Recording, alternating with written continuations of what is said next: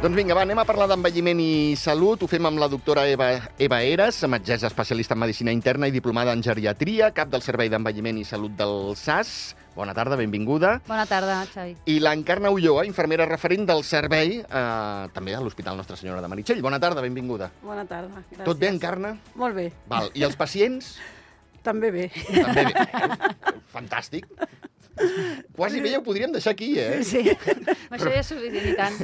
Però tinc moltes preguntes. Uh, començarem el, amb el programa POCTEFA. Com el tenim? Perquè vau fer diferents proves, eh? A diferents uh, sí, parròquies. sí, sí, sí. Fet el, programa POCTEFA, bueno, que es diu Aptitud, no?, amb el que vam participar per Poc- POCTEFA, és com pues, aquest programa transfronterer no?, europeu, Correcte. entre França, Andorra i Espanya, i llavors el, el nostre projecte es deia Aptitud, i el, del, més o menys del 2019 fins al 2022 vam estar fent valoracions de, de les capacitats, no? de capacitat intrínseca de, dels majors de 65 anys a diferents parròquies. Vam estar primer a Canillo, després vam estar a Sant Julià de Lòria i a Escaldes en Gordany. I ara actualment estem a Andorra la Vella, Val, molt bé. que, que ja vam acabar la fase de- d'avaluacions i, i ara estem amb el procés d'intervenció. Llavors, el programa POCTEFA hi ha una... Ara, diguéssim que mm, no és que, bueno, nosaltres vam seguir, però eh, aquest projecte el 2022 va com finalitzar a nivell europeu i després ara s'ha tornat a fer un, un, un call que, que ha, ha sortit positiu, vull dir que ara tornarem a començar el 2024 en col·laboració doncs, amb Toulouse, amb Catalunya i amb Navarra.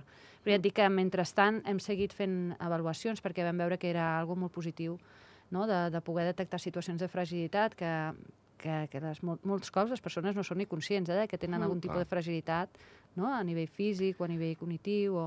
Vull dir que, que bueno, hem vist quasi 500 persones, jo diria, no, Encarna? Sí, Més o menys? aproximadament, sí. I et dic, aquí és cap dalt, i jo penso que això ho pots explicar tu, Encarna, la, la importància d'infermeria de primària, no? la col·laboració que estem fent amb ells. Sí, el, el que intentem també amb aquest, amb aquest projecte és que es pugui, de, puguin detectar des d'atenció primària la fragilitat, no? Mhm. la fra i, I poder prevenir una miqueta la discapacitat que pot venir a, a aquesta, Sí, aquesta fragilitat i llavors fer-ho d'una manera ràpida perquè es pugui detectar i llavors puguem, podem activar els serveis que, que necessitem. Perquè estaríem parlant eh, de mm, possible malnutrició, eh, possible... mm, Perdoneu-me l'expressió, eh? Està tocat emocionalment, eh, Sí. funcionalment, eh, Sí. l'audició, la visió... Exacte. Aquestes són les capacitats intrínseques que es poden veure afectades i això sí que pot crear que creï una com una dependència, diguéssim. Si tu no escoltes bé, no et relaciones bé, si tu no veus bé, doncs igual no, certes coses les deixes de fer, no? Només Sí. amb aquestes dues coses. Llavors el que volem és intentar, o les, emocionalment també, o la solitud, que també ho parlàvem abans, no? Mhm. de, pots, pots intentar-ho revertir i, i donar una miqueta d'acompanyament. De fet, amb la intervenció Micope que s'està duent ara a Andorra de la Vella, el que, el que s'intenta és fer això, de una mica persones que d'aquest cribatge no, de fragilitat han, surt, han sortit amb alguna alteració no, social, no, de, de solitud emocional, física, no? Llavors el que es fa és un grup i es treballa amb, amb una... És, és, com ho diria? És una... Mul... Ai, ara no em surt la Sí, paraula. multicomponent, no? Multicomponent, Sí. exacte. I llavors treballes les diferents àrees i crees també grup i Sí. és molt positiu. De fet, està Sí. sortint molt... Estem supercontents, el Sí. grup que s'ha creat. De fet, eh, Aptitud funciona també gràcies a, a la col·laboració no, dels Mhm. comuns, dels diferents Mhm. comuns que s'impliquen eh, directament amb nosaltres, tant en, en cedir-nos els espais per fer les avaluacions, però també en la segona part, que és la part aquesta d'intervenció que explicava l'Encarna, que és, és un projecte que fem en col·laboració amb la Universitat Autònoma de Barcelona, que és un projecte eh, que es diu Amicope, doncs aquí directament la persona del comú eh, normalment del, dels departaments eh, socials, doncs participen liderant aquests tallers, que són tallers mm, diversos, multicomponents, que parlen de diferents temàtiques i són dues hores i mitja a la setmana. I amb aquest grup de persones, doncs, justament, ja porten unes quantes setmanes i s'han creat uns vincles entre ells molt positius. No? I això també, infermeria de primària, com et deia abans, no?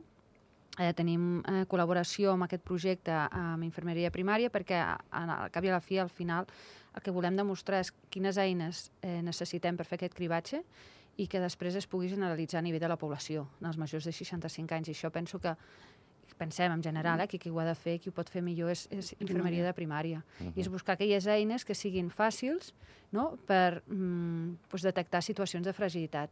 Llavors estem validant, validant aquestes eines, o sigui, hi ha un estudi darrere també, eh? és a dir, evidentment fem aquest cribatge, però estem validant si amb les eines que s'utilitzen són suficientment bones per detectar situacions de fragilitat o no. Eh, doctora, el projecte Aptitude està des de 2017, si no m'equivoco.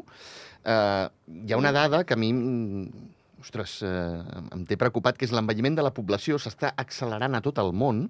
Entre 2015, ja sé que tiro enrere, eh? Sí. entre 2015 i 2050 la població més gran de 60 anys passarà del 12 al 22%. Sí, sí. Mm. Això és una bogeria, si se'm permet. Sí, i Andorra fins ara pues, era una població molt jove, no molt activa, si ho comparaves amb, amb Catalunya, no? que ho tenim aquí a prop, però, però cada cop més veiem també aquesta població que s'envelleix, perquè molta gent ara, quan, quan es jubilen, abans potser tenien tendència a marxar, ara molta gent es queda, però també hi ha moltes reagrupaments familiars de persones que, no? sí. que reagrupen mm. a la seva família.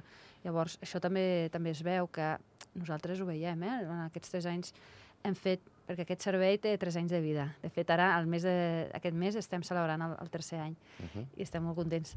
Però, bueno, tornant al que deies, no? que l'envelliment és una realitat i hem vist un creixement exponencial eh? de, de les sol·licituds que tenim de demandes de consulta externa, que ens venen derivades uh -huh. pel capçalera. Després d'una valoració geriàtrica, podem parlar de cures personalitzades o és anar mm. massa enllà? No, no, no, és el que fem. Explica sí, sí, sí. sí. L'Encarna no, no. està acostumada sí. no, a fer...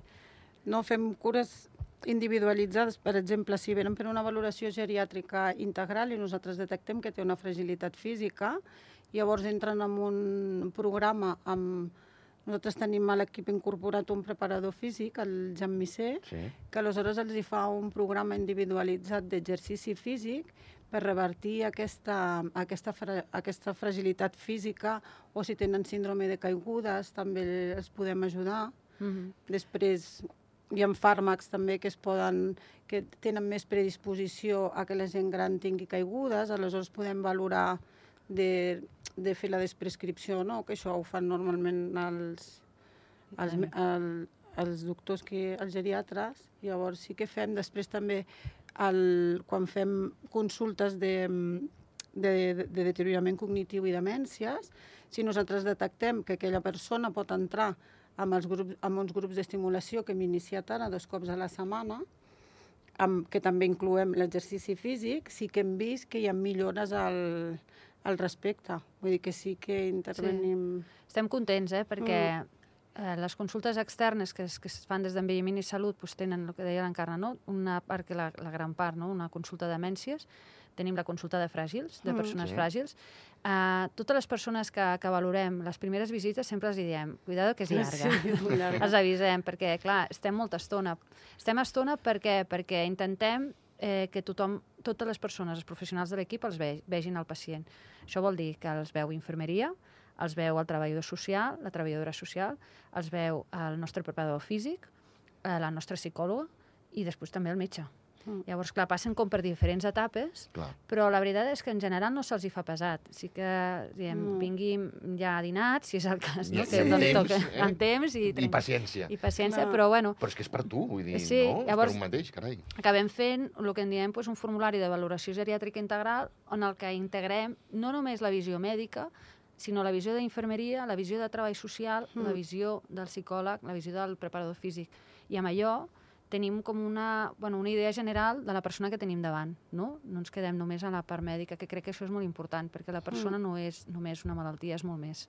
No? És, té un context social, té una situació emocional que també és important, té síndromes geriàtrics, és a dir, té molt més, no? I, I una mica és el que intentem fer, aquestes valoracions molt integrals de la mm. persona, que ens ajuden, evidentment, a anticipar situacions, no? detectar situacions de, de fragilitat o detectar situacions de problemes cognitius, emocionals, nutricionals, uh -huh. etc. Una mica el que fem a nivell comunitari, doncs a la consulta externa ho fem també, però més, més diguéssim, mm. més tècnic ja, no?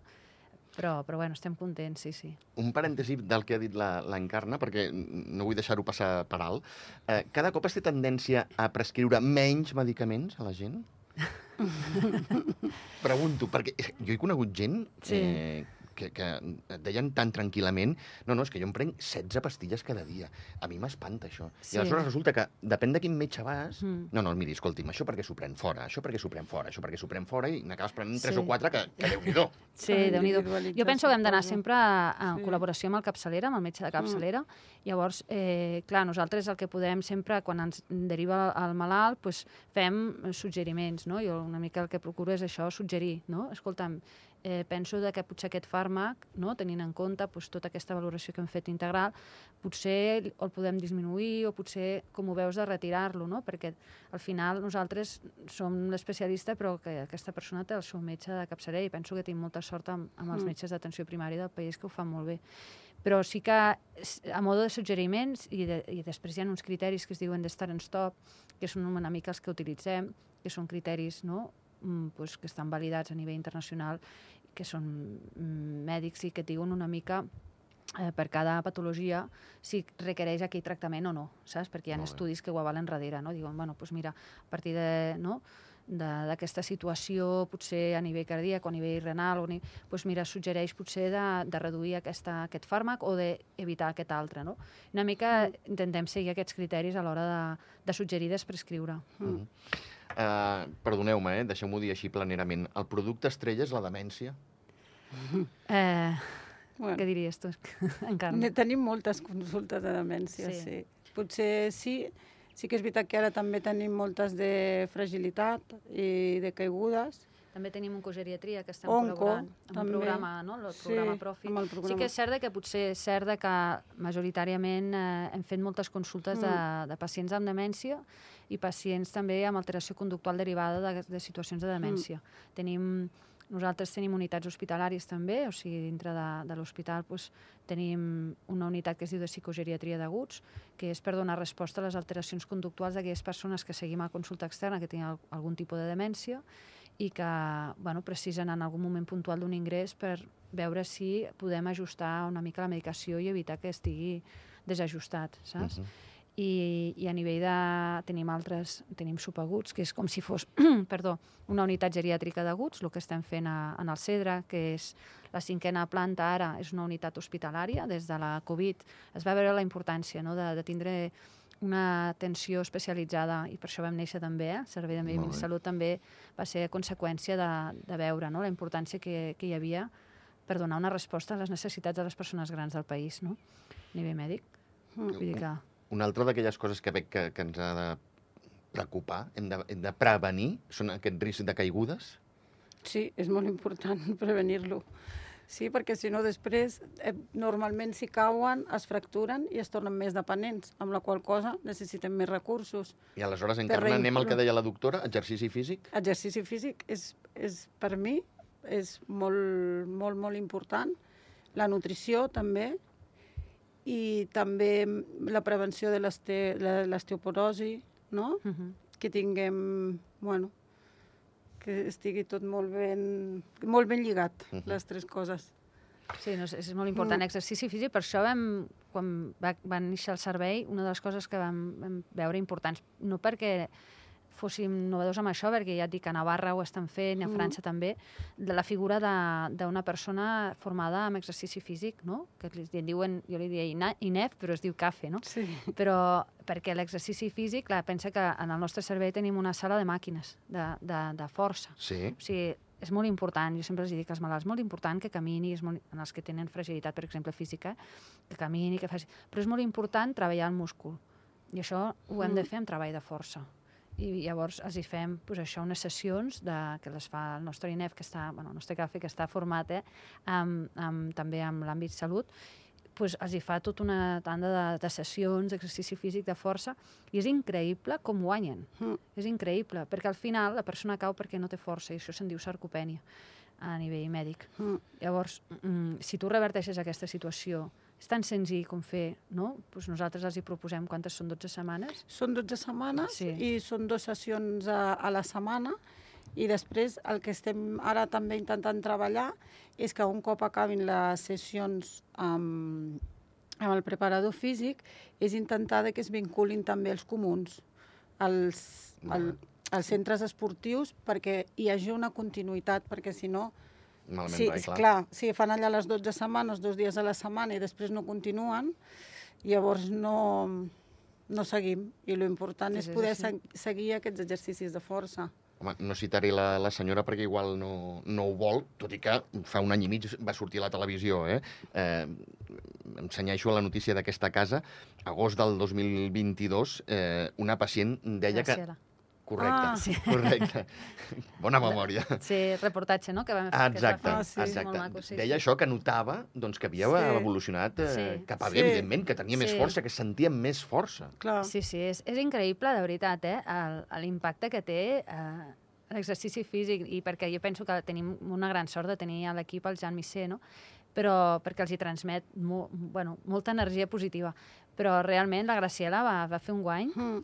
eh, important i, i amb els pacients oncològics, no? és veritat que a vegades estan en aquell procés que, que és molt difícil, de...